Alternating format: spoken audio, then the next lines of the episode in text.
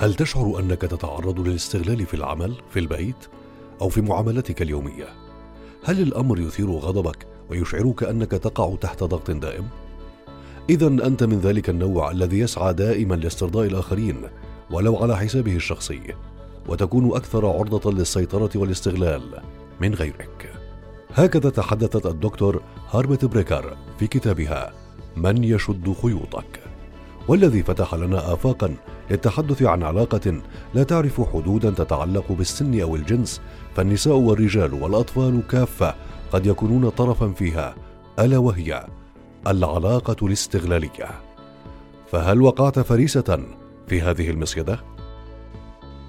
بيرسونا نبحث في أغوار النفس لنعيد اكتشاف من حولنا برؤية مختلفة في الموسم الجديد من بيرسونا سنفهم كيف تؤثر هذه العلاقات في صحتنا النفسية والجسدية. ونبحر في أنواع شخصيات كثيرة تنهك أرواحنا لنعرف كيف نحمي أنفسنا من خطرها. الاستغلال هو أصل العلاقات المؤذية فهو يستنزفك عاطفيا وجسديا وماديا بدوافع مختلفة. ويؤسفنا القول إنه أمر شائع جدا في مختلف الأوساط. الأدهى والأمر عندما يكون من صديق أو قريب. حينها تستعصي عليك معرفة ما يجب فعله وكيفية التعايش معه. اولا دعونا نفهم ببساطة أشهر الأسباب التي تدفع من حولك إلى إيقاعك فريسة لهذا. إذا لم ترسم حدودا تحميك ولم تضع مصالحك جنبا إلى جنب مع مصالح الآخرين من ثم يباح استغلالك من الآخرين بسهولة.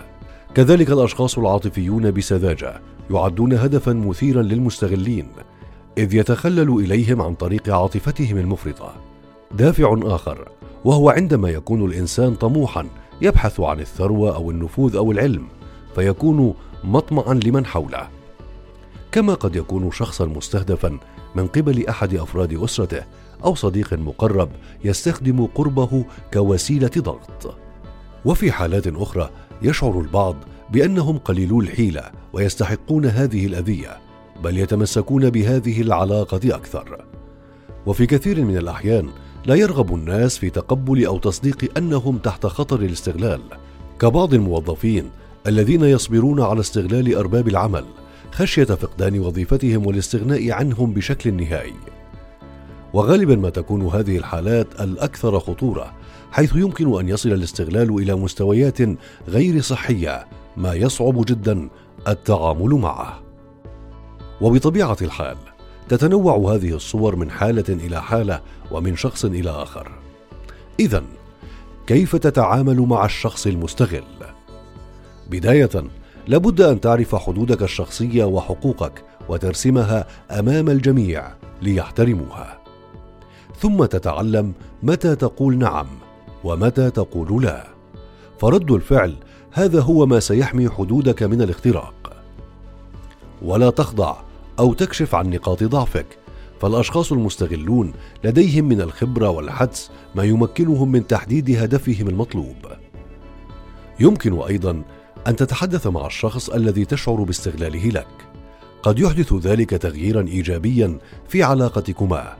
ولكن قبلها عليك أن تقرأ الموقف والشخص جيدا بما يكفي لمعرفة ما إذا كان التحدث معه. سيجدي أم لا؟ في النهاية لا يمكننا دائما تغيير من حولنا ولكن يمكننا أن نتعلم كيف نكون أكثر حكمة للتعامل معهم.